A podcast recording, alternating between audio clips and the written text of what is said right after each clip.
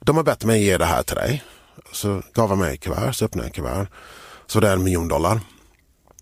Eh, I bonus då. Eh, och jag tittade på honom och bara, vänta lite. Det där är blood money och de kan du ta tillbaks. Och så tre, tre dagar senare så sa jag upp mig.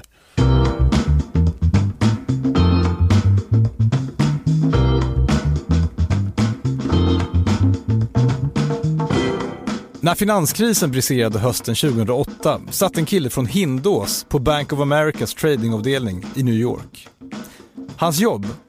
Att ansvara för en portfölj finansiella derivat värda över 1000 miljarder dollar. Du lyssnar på podden Min första miljon. Jag heter Jakob Bursell och dagens gäst är Sean George, svensk-amerikanen som gjorde kometkarriär på några av världens hårdaste arbetsplatser bara för att hamna i finanskrisens absoluta mittpunkt. Men först, ett budskap från poddens sponsor.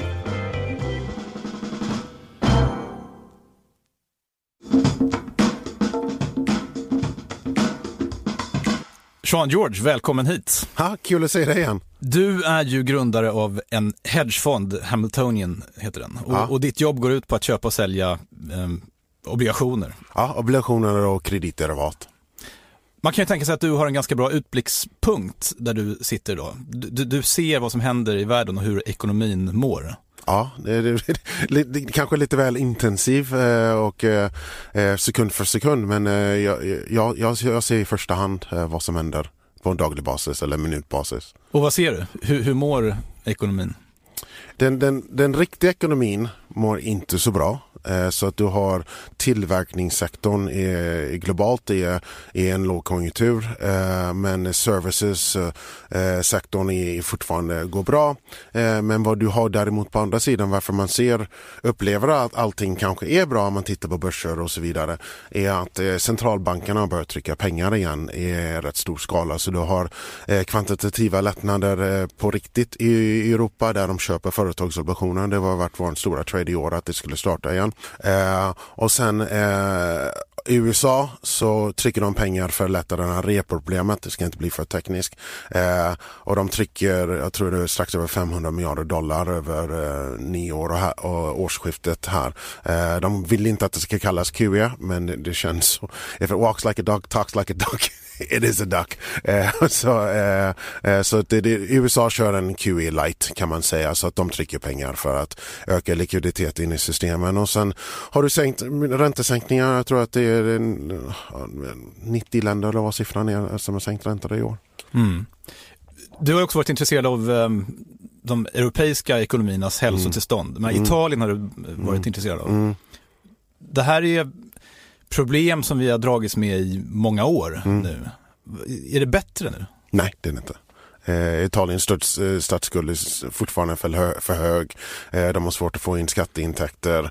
Eh, det var snudd på att det skulle bli problem i somras. Eh, Matteo Salvini blev utspelad. Riktig italiensk såpopera eh, kan man säga spelades ut där. Men, det, det, kommer Matteo Salvini till, till makten så, så kommer han köra stenhårt mot, Europa och köra budgetunderskott. Faktum är att de inte haft någon tillväxt på, på, på decennier och alla länder vill ha tillväxt och populism populismen eh, ökar och eh, just nu är inte populisterna i makten i Italien men när de kommer till makten så kommer det bli problem igen. Vi är kort i Italien, en mer strukturell trade som kostar ingenting att ha på eh, och kommer vi in en morgon och det har hänt någonting i Italien så tjänar vi pengar.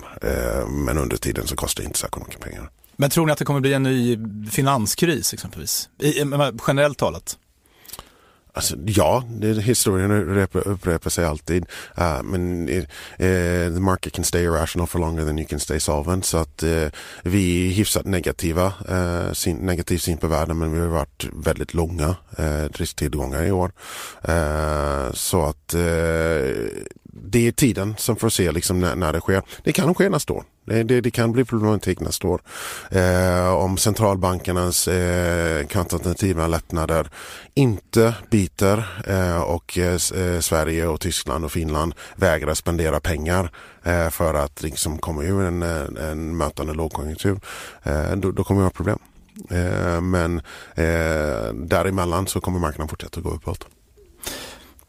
Du har ju levt i den internationella finansmarknaden i ja, runt 20 år. 24 år. det var inte där det började. Du är uppvuxen i USA och Västindien. Ja, Eh, Du har en jamaikansk mamma, ja, en eh, svensk pappa och, och hamnade i Hindås.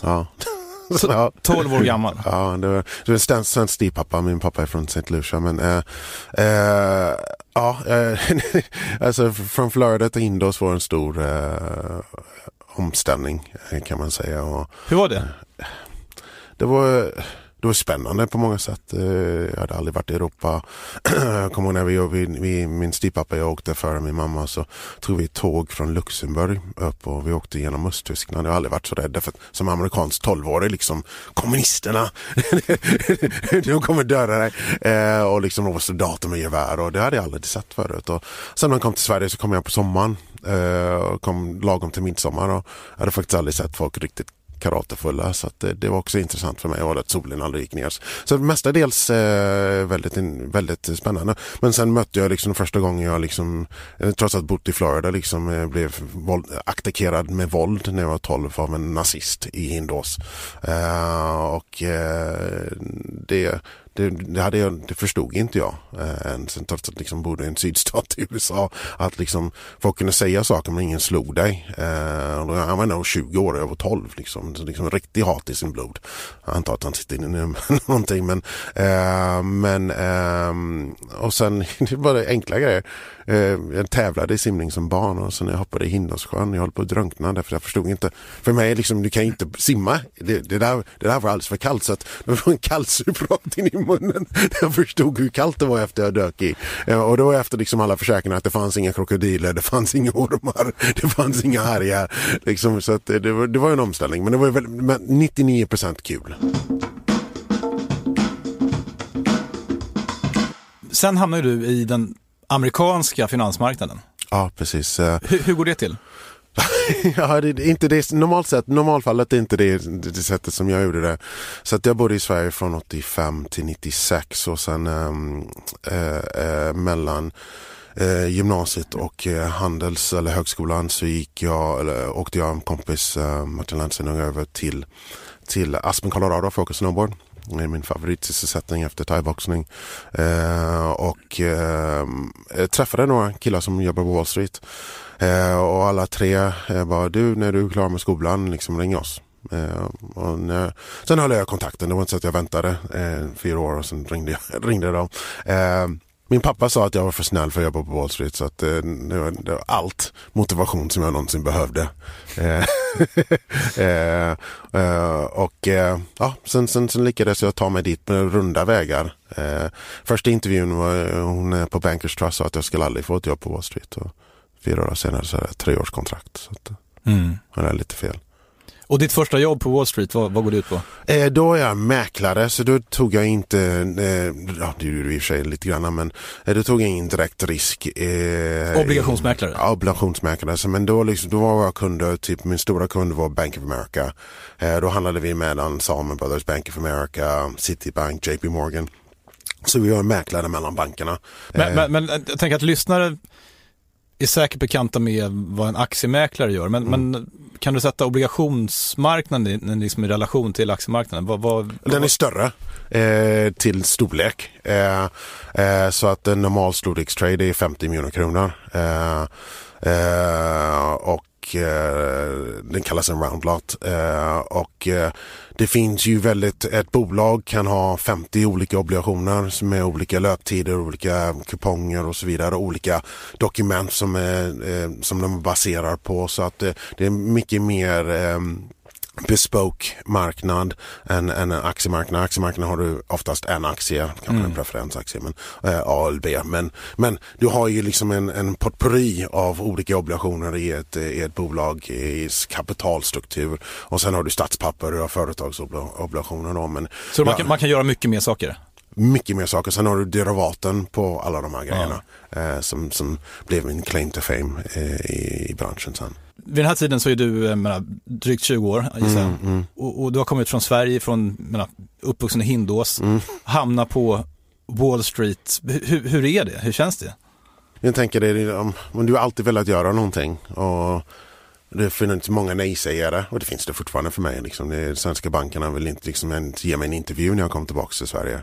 Eh, nu, liksom, nu, nu är vår fond bäst och inte med en liten marginal eh, på det vi gör eh, i år. Och, eh, eh, många har ju liksom underskattat mig hela min karriär och det har ändå varit en drivkraft men att sen stå där 104 våningen av World Trade Center eh, och prata med alla de här största bankerna och Eh, och lära sig eh, hur, hur det funkar. Alltså att lära sig språket tar ju långt, liksom, fan pratar de om? Det är mm. ingenting som du lär dig i en skolbok. Eh, så lära dig språket, vad de har liksom het lifted, eh, liksom hur, hur man liksom pratar, hur man kommunicerar. Det är en helt, helt språk och, och hur man kommunicerar om man har en kund i telefon, handspråken, så nu har vi precis handlat 10 miljoner obligationer utan att lyssnarna har hört. Men liksom att man, så man vet att okej, okay, jag har en säljare av 8 miljoner. Ja, du är, en, du, du är en köpare, så gör du bara en handsignal. Okej, okay, vi löser det.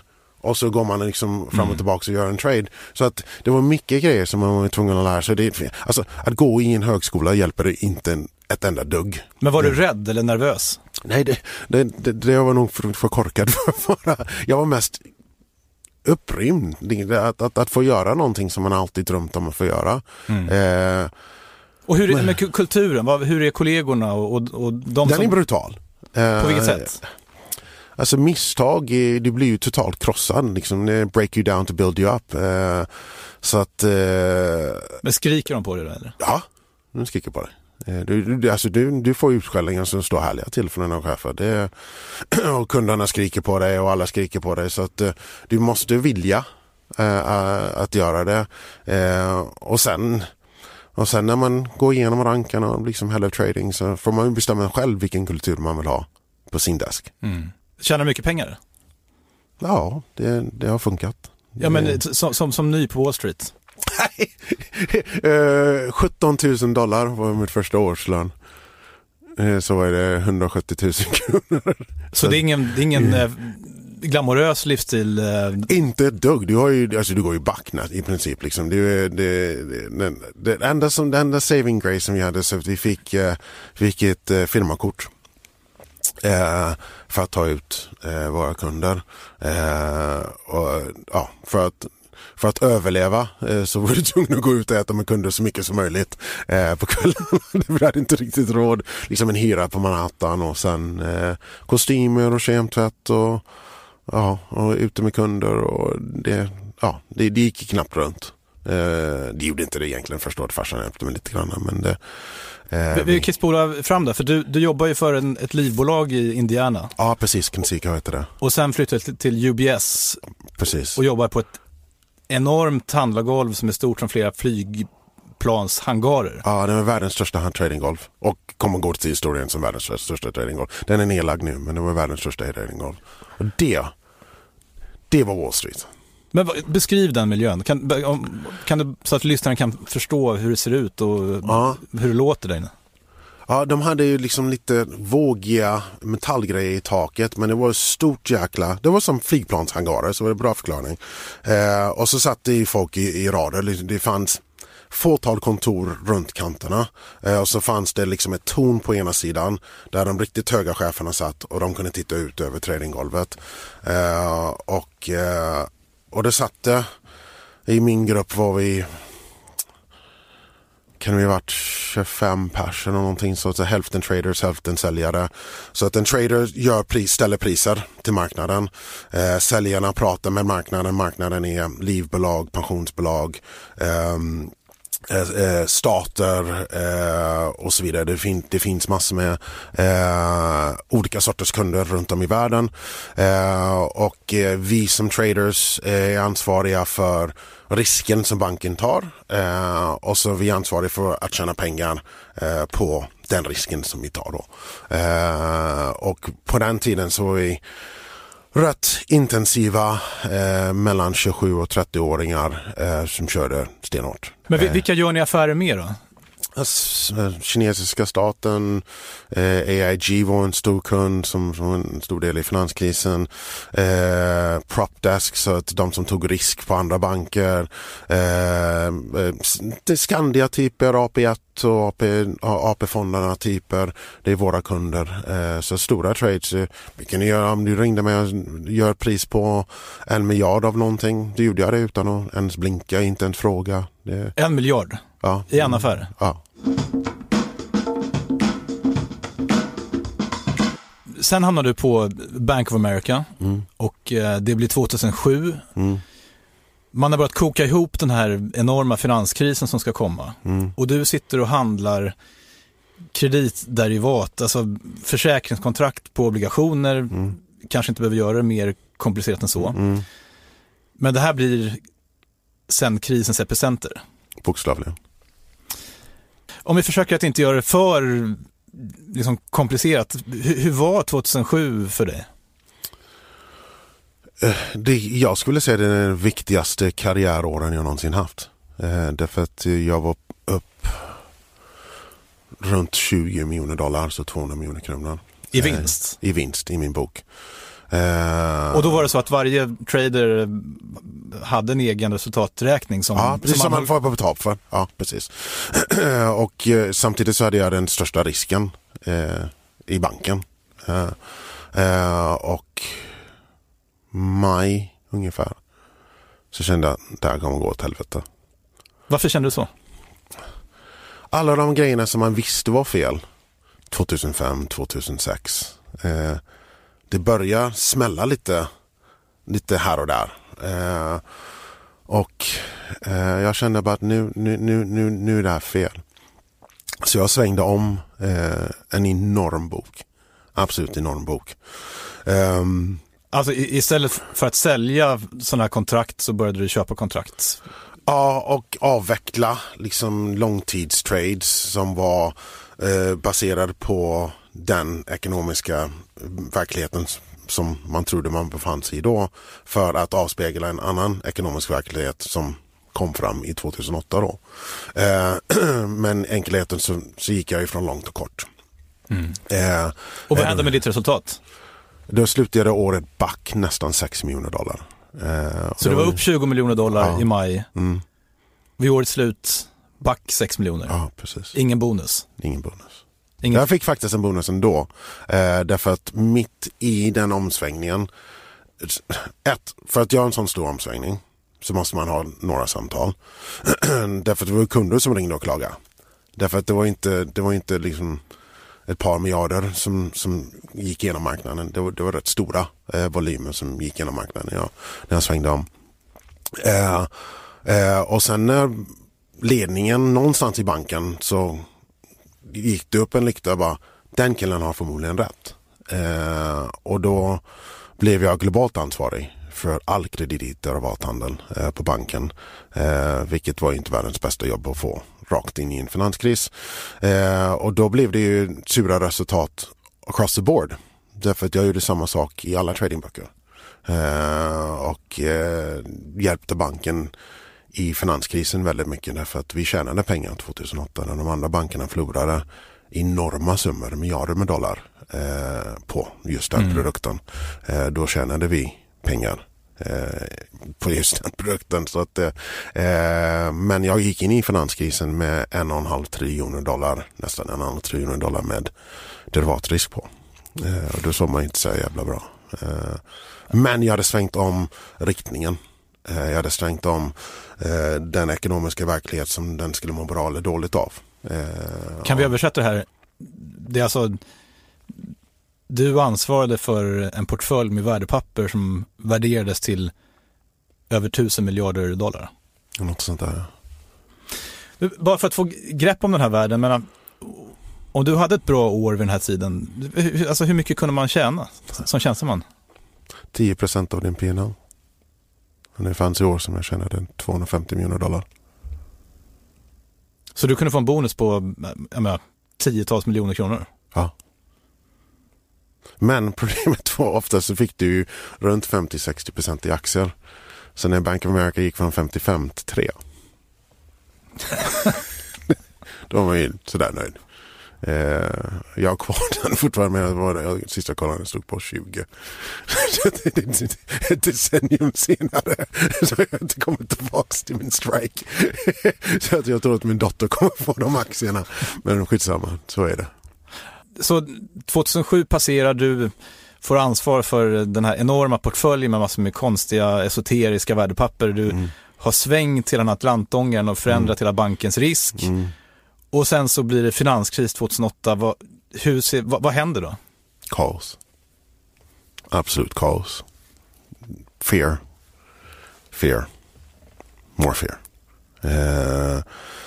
Det är ju september som är på något sätt ett epicenter för, åtminstone för oss vanliga människor. Man mm. kunde läsa i, i, tidningen om Lehman Brothers mm. och det var på nyheterna på helgen om mm. de här amerikanska investmentbankerna och man kanske inte förstod riktigt vad som, vad som hände. Hur såg dina dagar ut i september 2008? Det var inte dagar, det var bara tid. Alltid någonting som var öppet. Alltid någonting som hände. Eh, det var väldigt lite sömn. väldigt ofta eh, en chaufför kom hem till huset ute i Connecticut och hämtade tre kostymer, lite kalsonger, lite strumpor. Ibland ett pass eh, och kom tillbaka till jobbet enormt stress, stressande tid. Eh, för mig, familjen, eh, alla som såg mig. Det, det, det är rätt mycket risk. Eh, och det händer rätt stora rörelser. Och insatsen är ju stor. Men samtidigt, det värsta som kunde hända dig var väl att du förlorade jobbet? Nej, det, det tyckte jag inte. Det var inte. Mitt ansvar var mycket, mycket större än mig själv. Jag hade ett team. Jag jobbade för en bank. Eh, jag, aktieägarna i banken. Eh, det var, jag kände ett ansvar för som var mycket större än bara mig själv. Om jag hade bara brytt mig om mig själv så hade jag, hade jag skitit i det. Därför jag är ju plus. Eh, så att det var happy days. Eh, men det var inte det det handlade om. Det handlar om att lösa saker och ting på ett sätt eh, så bra som möjligt för banken i helhet. Mm. Hur illa var situationen för banken och för jag menar, ja, det, det fanns en dag som jag åkte hem och köpte vapen. Så illa var det. För att du trodde? Att det skulle gå åt helvete med Max där. Jag vet inte om jag trodde 100% att det skulle ske såklart. Men det är inte så att jag satt och liksom bunkrade på mat. Men jag tänkte att eh, vapen för 50 000 spänn är en rätt billig hedge på det som händer i ekonomin. Och hur slutade 2008 för din del? Plus eh, flera miljarder kronor. Eh, och fick ingenting betalt för det. Varför då? Skulle du inte få procent på? Men banken hade förlorat så mycket pengar så att eh, eh, vi fick inte betalt. Brukar du reflektera över ibland att du har varit med om det här? Det är en ganska unik inblick du har fått i, i ekonomin genom de här erfarenheterna. Ja, när jag gör sånt här. Men nej, det är inte någonting jag går och tänker på. Det är en del av mitt liv. Det är, det är en som födelsemärke eller vad som helst. Det, det har skapat mig delvis som person både privat och eh, eh, eh yrkesmässigt. Eh, men det är en del av mitt liv. Eh, svårt att säga att det var kul. Men fan alltså att om du älskar det här du älskar trading, du älskar finans, du älskar mackor och grejen. Och du har fått den största finanskrisen i din tid förhoppningsvis rätt. Och du satt som lagkapten på toppdivisionslag och du vann. Det är så jag känner. Men jag behöver inte gå och tänka på det så mycket därför att jag har gjort det. Det är en del av livet. Ingen kan ta det ifrån mig. Och sen att man inte fick betalt för det, det blir en, det blir liksom en grekisk tragedi. uh, liksom man står där liksom på toppen på berget och bara ja, men du får ingenting utav det här. men tack för hjälpen. Uh, ja, eh, jag kan säga så här, de försökte efter de betalade hela med team uh, noll så åkte jag upp, vi kallar det Ivory Tower, Bank of America Tower, den här glasbyggnaden i Times Square. Eh, så åkte jag upp till eh, Top of the Ivory Tower, som vi kallar det. Så Mike Meyer Jag älskar honom, han är en jättebra chef. Och sen sa han, du det här, det här, det här vet jag inte hur jag ska lösa. Jag bara, ah, vad, är, vad är det? Så hade han ett kuvert. Så jag tänkte, fan, liksom, ska han säga upp mig eller får jag sparken? Eller? Men det, liksom, det brukar vara, liksom, vara HR och sådär. Liksom, bara, fan, det här är jätteskumt. Bara, de har bett mig ge det här till dig. Uh, uh, det finns två vägar du här slutar. Och så, så, så gav han mig ett kuvert, så öppnade jag ett kuvert. Så det är en miljon dollar. Uh, I bonus då. Eh, och jag tittade på honom och bara, vänta lite. Du vill ge mig en miljon dollar, vilket är light. Det är fel siffra. Och så vill du att jag ska gå ner på tradinggolvet, övertala mina killar och tjejer att stanna efter vi har precis vunnit kriget och inte fått någonting för det. För att du har gett mig en miljon dollar. Ja. Nej, det där är blood money och de kan du ta tillbaks. Och så tre, tre dagar senare så sa jag upp mig. Så att... Eh...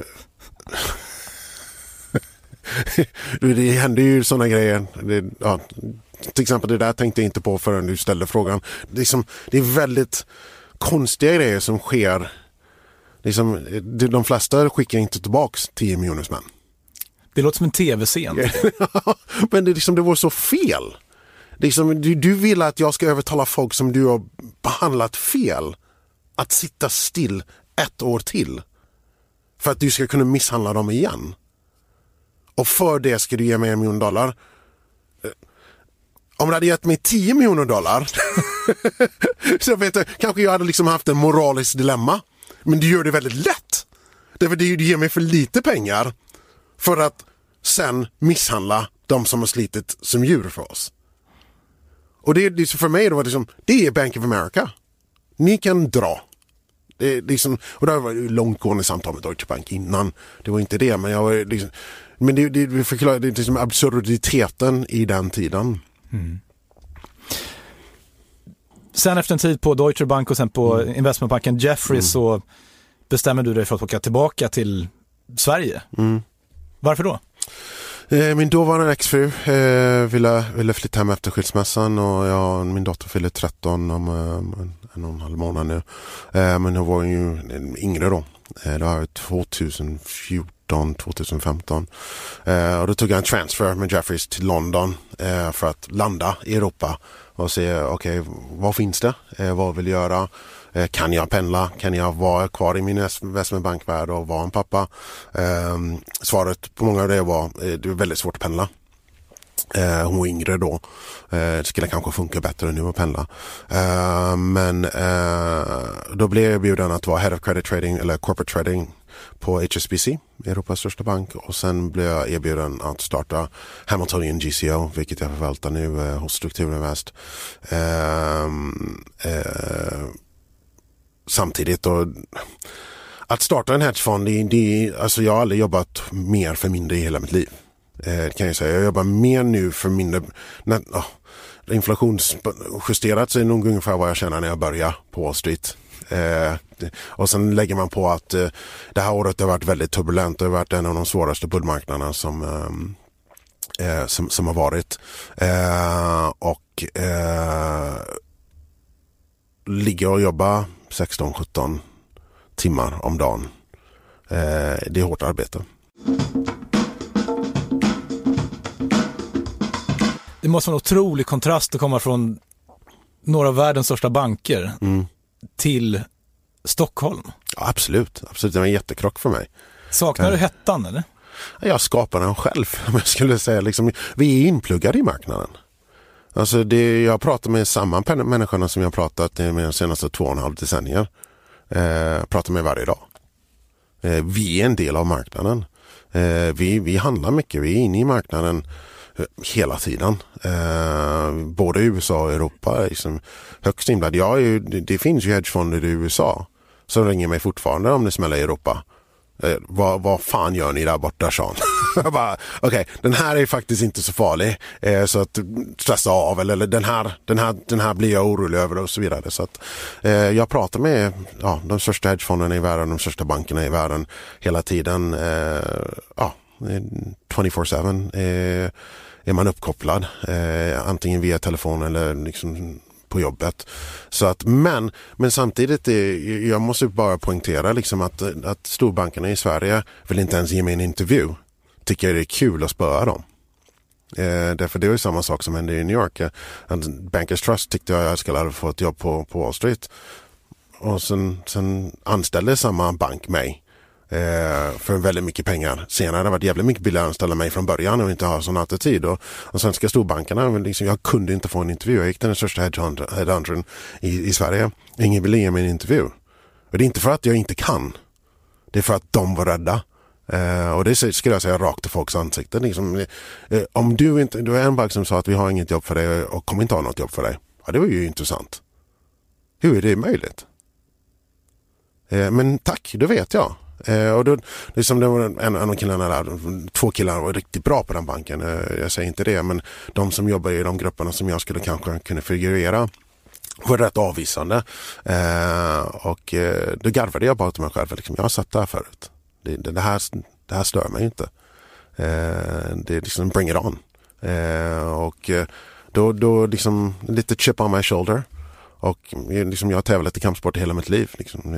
Bara för jag är blodig och du tror att du kommer vinna betyder inte att du kommer vinna. Eh, jag är en seg, livad jävel.